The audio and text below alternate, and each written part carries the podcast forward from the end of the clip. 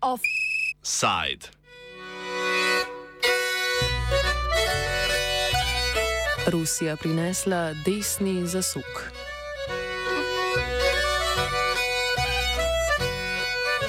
Švedska volilna komisija je objavila uradne rezultate splošnih volitev, ki so potrdili napovedi o zmagi desne koalicije. Levo koalicijo, ki načelujejo do sedaj vladajoči socialdemokrati, je premagala za tri poslanske sedeže v 349 članskem parlamentu. Največ glasov je desnemu političnemu bloku prinesla stranka Švedski demokrati, ki so dobili 20,5 odstotkov glasov, to pa jim je prineslo 73 sedežev v parlamentu. Desni koalicijski blok sicer vodi predsednik zmerne stranke Ulf Kristersson, vendar je zmerna stranka dobila manj glasov od švedskih demokratov. V parlamentu bodo zmerneži oziroma moderati imeli 68 sedežev. Desno koalicijo naj bi se po pričakovanju sestavljali še krščanski demokrati, ki so prejeli 5 odstotno podporo, torej 19 sedežev, in liberalci z dobrimi 4,5 odstotki podpore oziroma 16 sedeži. Mandatar naj bi kljub temu, da je njegova stranka prejela manj glasov kot švedski demokrati, postal Kristorsson, a bo to brško ne še stvar dogovora med največjima desnima strankama.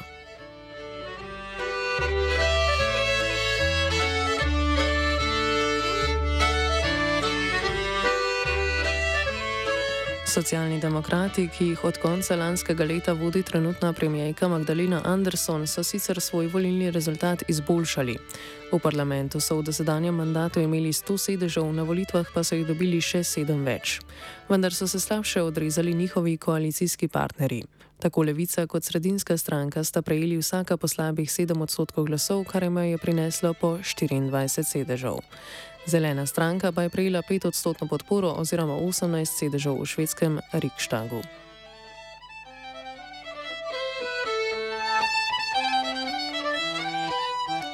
Zakaj je zmagal blok desnih političnih strank, pojasni Anders Lindberg, urednik notranje politične redakcije švedskega časopisa Aftonbladet.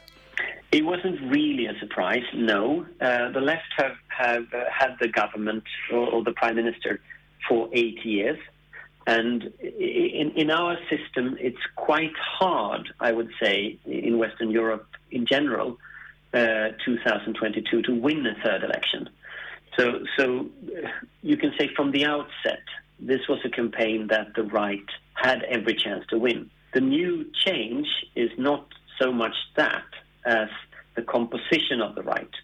That the right in the last election was more of a normal European right wing and today, the right has allied themselves with the far right, the Swedish Democrats. So it's the composition of the right that is the new thing in this election, not the fact that we change prime minister. We, we change prime minister every second or every third election way back in history. Celotna predvolilna kampanja je bolj ustrezala desnim strankam. Razloge za zmago desnice nadalje pojasnjuje Lindberg. I think the main reason is, is, three reasons. If you take it, it's not like one. It's it's very hard for the left to win a third election. Uh, the second part was the election campaign. That the election campaign was about electricity prices and was about gang violence, which favored the right. And the third is that the Swedish right has been a little bit like the Trumpian right, this new right, uh, which has a very combative campaign, very much focused on social media, um, and, and very tough on, on negative campaigning against opponents. And it's not that different from Trump or Boris Johnson or, or, or other politicians in this new right framework. So the Swedish right have evolved into something that it wasn't before. And, and all these three components sort of play their part in why they won the election. Švedski demokrati, ki so med desnimi strankami zbrali največ glasov, so sicer nacionalistična stranka, ki se zauzema zlasti za antimigracijsko politiko. Stranka, ustanovljena leta 1988, se je v parlament prvič prebila pred 12 leti. V prejšnjem sklicu parlamenta je bila tretja največja stranka za socialdemokrati in zmerneži. Na letošnjih volitvah je pridobila še 11 poslanskih sedežev in postala druga najmočnejša parlamentarna stranka. Ena od rasističnih idej stranka je omejitev izdajanja azila osebam glede na njihovo veroizpoved in spolno usmerjenost. Stranka prav tako želi dodatno omejiti socialne pravice za migrante in povečati pristojnosti policije na območjih s porastom kriminala. Ta pooblastila bi jim omogočila preiskavo brez konkretnega suma kaznivega dejanja. Socialdemokratska stranka je v preteklosti vodila tako imenovano politiko odprtega švedstva, nekakšno politiko telilnega lonca, ki je pripravljena sprejeti vse priseljence, dokler se ti asimilirajo. Že ta koncept azilne politike je izrazito nacionalističen, desne politične stranke pa v svojem diskurzu rasistično povezujejo problem kriminala s trenutno migransko politiko.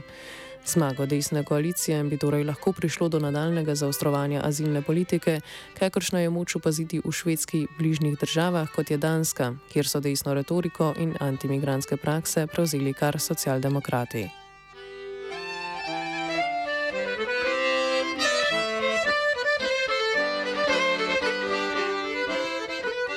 Rasizem postaje vedno bolj sprejemljiv za sredinske stranke tudi na švedskem, so pokazali letošnje volitve. Rezultati volitev namreč niso tako zanimivi zaradi velike podpore, ki so jo voljivci namenili švedskim demokratom, temveč predvsem zaradi pripravljenosti preostalih desnih in desno-sredinskih strank za oblikovanje skupne vladne koalicije. Konzervativne, liberalne in krščansko-demokratske stranke so prvič pristale na sodelovanje s skrajno desnico. Uh, no, it, it is not a surprise. It's been going on for three years. But it is a big change. It's a fundamental change. Because historically, we had uh, more or less the same principle as many other European countries. Uh, in French, you say cordon sanitaire, a kind of line to the far right and the extreme right uh, that you don't cross. And, and what happened after the last election, which was 2018, was that this cordon sanitaire broke and the right started to cooperate with the far right. So this is a, a, a coalition that's been three years, or more than three years in the making, uh, that we now see uh, take over Sweden. But a a dramatic change during that period is that now the Swedish Democrats is the second largest party.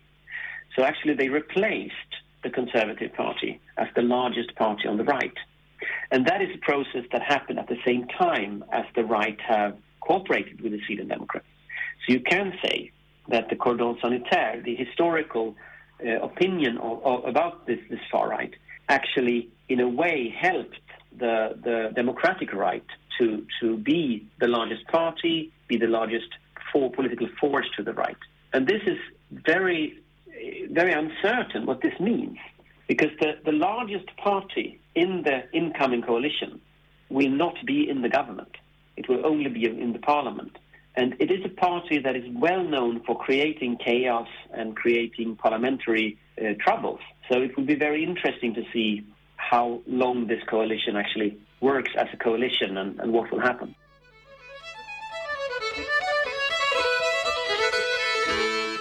Švedska se sicer sooča z napetostmi zaradi ruske invazije. Država se, kot večina sveta, sooča z draženjem energentov in inflacijo. Napetosti pa so prisotne tudi v notranjosti države, saj se Švedska sooča s porastom kriminala, zlasti bojev med organiziranimi, organiziranimi kriminalnimi tolpami. Prav to je po mnenju sogovorca desnica dobro izrabila za mobilizacijo voljivcev. In, in parties and four left wing parties. And the right campaigned very much on gang violence and on the electricity prices. So, in a way, the Swedish election is kind of a mirror image of the crisis in Europe at the moment uh, a cost of living crisis, uh, gas prices uh, crisis, uh, crisis of food prices, etc and specifically in, our uh, uh, campaign, it was the electricity bills that were the main issue. So that was kind of the core of the of the right wing campaign, and that that campaign uh, was very successful. So the whole election campaign was about these issues. Poleg tega je Švedska deležna dodatnih pritiskov strani Rusije in Turčije, saj se tako kot Finska pridružuje Severnoatlantskemu vojaškemu zavezništvu, zna, zavezništvu, znanemu kot NATO. S tem je kraljevina prekinila več kot 200 let trajajočo vojaško neutralnost. Po mnenju sogovorca, priključitev NATO v predvolilni kampanji ni bila tako ključno vprašanje kot energetska kriza. You can say that, that the NATO question didn't play any role in the campaign at all. There is not a national consensus, but it's, it's, a very broad consensus in Sweden, also in Finland, about the NATO question. Uh, but the Russian invasion of Ukraine and uh, Putin's gas war on, on Europe played a role. Because Putin's gas war is the single most important factor that drove up the electricity prices. And the electricity prices played a large part in the Swedish election. But in Sweden, these prices are connected in people's minds with nuclear power and who's in favor or against uh, building more nuclear power. This is, of course, a little bit irrational because nuclear power could be built in 10, 15 years. But there is this feeling of who can lower the electricity prices. And the right won that. So, so you can say that Putin's war indirectly played a a really big part in the election uh, because this was so connected with the with the bills of electricity. And and you can also say that geographically, that was also clear in south of Sweden because south of Sweden have prices which is quite close to the German prices, and that was an enormous price price hike for ordinary people. In north of Sweden, they have water power and they have their own electricity, so it didn't really affect so much. And you can see in the election result that the left lost the south of Sweden. So that's also one of the reasons you can say that the gas price played such, or, or, the electricity price as an effect of the gas price played such a big role. Trenutna premijejka Anderson je v četrtek po 99 odstotkih preštetih glasov podala odstopno izjavo. O izjavi za javnost je dejala, da je desnica prejela majhno večino, a kljub temu gre za večino. Po mnenju Anderson je zdaj na potezi predsednik parlamenta Andreja Snurlen, ki bo nadziral oblikovanje nove vlade. Premijejka sicer ni zavrnila sodelovanja s konzervativcem Ulfom Kristersonom. Stranka socialnih demokratov bi bila namreč pripravljena sodelovati z mirno stranko v primeru, da se ta ne odloči za sodelovanje s stranko švedskih demokratov. Kako je dolgo časa najmočnejša švedska politična stranka nagovarjala voljivce, pojasni Lindberg. The, left uh, had had uh, more of wanted to speak about welfare, wanted to speak about jobs, wanted to speak about the economy, and uh, that failed uh, mainly due to rising electricity prices during the actual campaign, and we had also a number of gang shootings during the actual campaign. So you can say that one key reason that the right won the election, even if it was very small margin, is the way this campaign was conducted, that the right won the narrative of the campaign and the left lost the narrative of the campaign. So basically, the whole campaign for five weeks were about the right wing's issues, and that's also the main reason they won. Gre torej za velik preobrat na političnem parketu. Nekdaj najmočnejšo stranko socialnih demokratov je spodnesla skrajno desničarska stranka švedskih demokratov. Stranka se je želela predstaviti kot socialna konzervativna stranka, ki si prizadeva za švedsko narodnostno in kulturno dediščino. To pogosto zamegli imigranska politika stranke, kar pa je po nekaterih interpretacijah tudi razlog za njeno zmago na volitvah. Preobrat pojasni Lindberg. One, one thing that really stands out and that you think I think that Europe needs to pay attention to it is this the influence of the Sweden Democrats over the new government because the Sweden Democrats were founded by Nazis in 1988. One of the founders was actually a member of Waffen SS in Germany. He worked in in uh, SS Hauptamt in Berlin during the Second World War. His name was Gustav Ekström. And he went back to Sweden after the war, and he was one of the persons founding the Sweden Democrats as a party. And I don't, I can't really see anywhere else in Europe where you can see such a completely direct link from this Nazi movement and the party that controls the government. You see a little bit the same in, in the Austrian Freedom Party that has connections back in history, but I would say the Sweden Democrats, with their history, is a quite unique uh, party coming so close to government. And since it's the second largest party of the country, it, it, it, it has a tremendous influence over the next government. And I think that Europe should really pay attention to what that means for also European cooperation. So the Sweden Democrat is not a normal European populist party. It has very different roots than than uh, than other populist uh, right wing populist parties in Europe. And and you can see this also during the campaign, because another newspaper, Expressen, revealed that that they had a couple of hundred former Nazis and right wing extremists on their lists today, 2022. So this is not a normal party. This is something very different from their own uh, right wing populist movements that they, they have. With some exceptions, of course. Jobbik in, in, in, Hungary, for example, has the same kind of roots.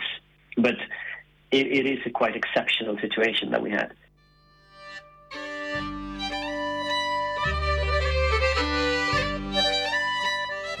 Premijejka Anderson bo kljub odstopu dolžnosti predsednice vlade opravljala do prisege nove vlade. O njenem oblikovanju so se pogovori začeli danes.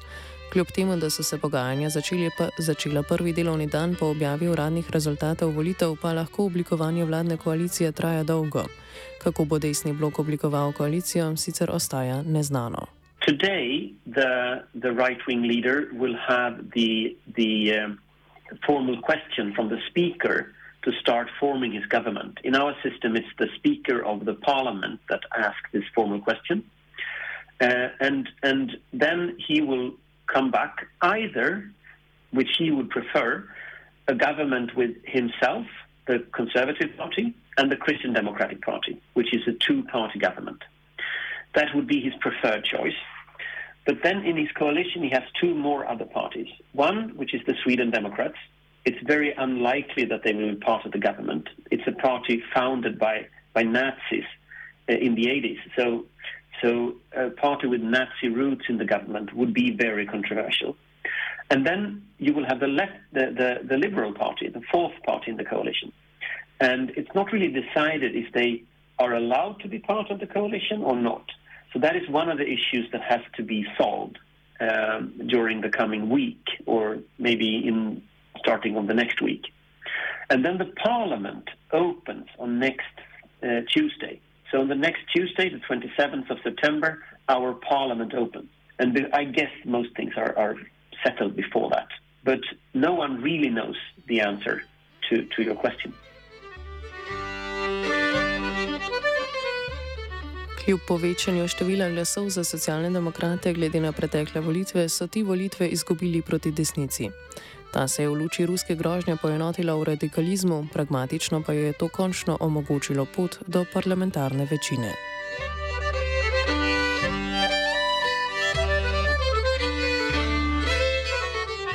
Offset je pripravila Tija.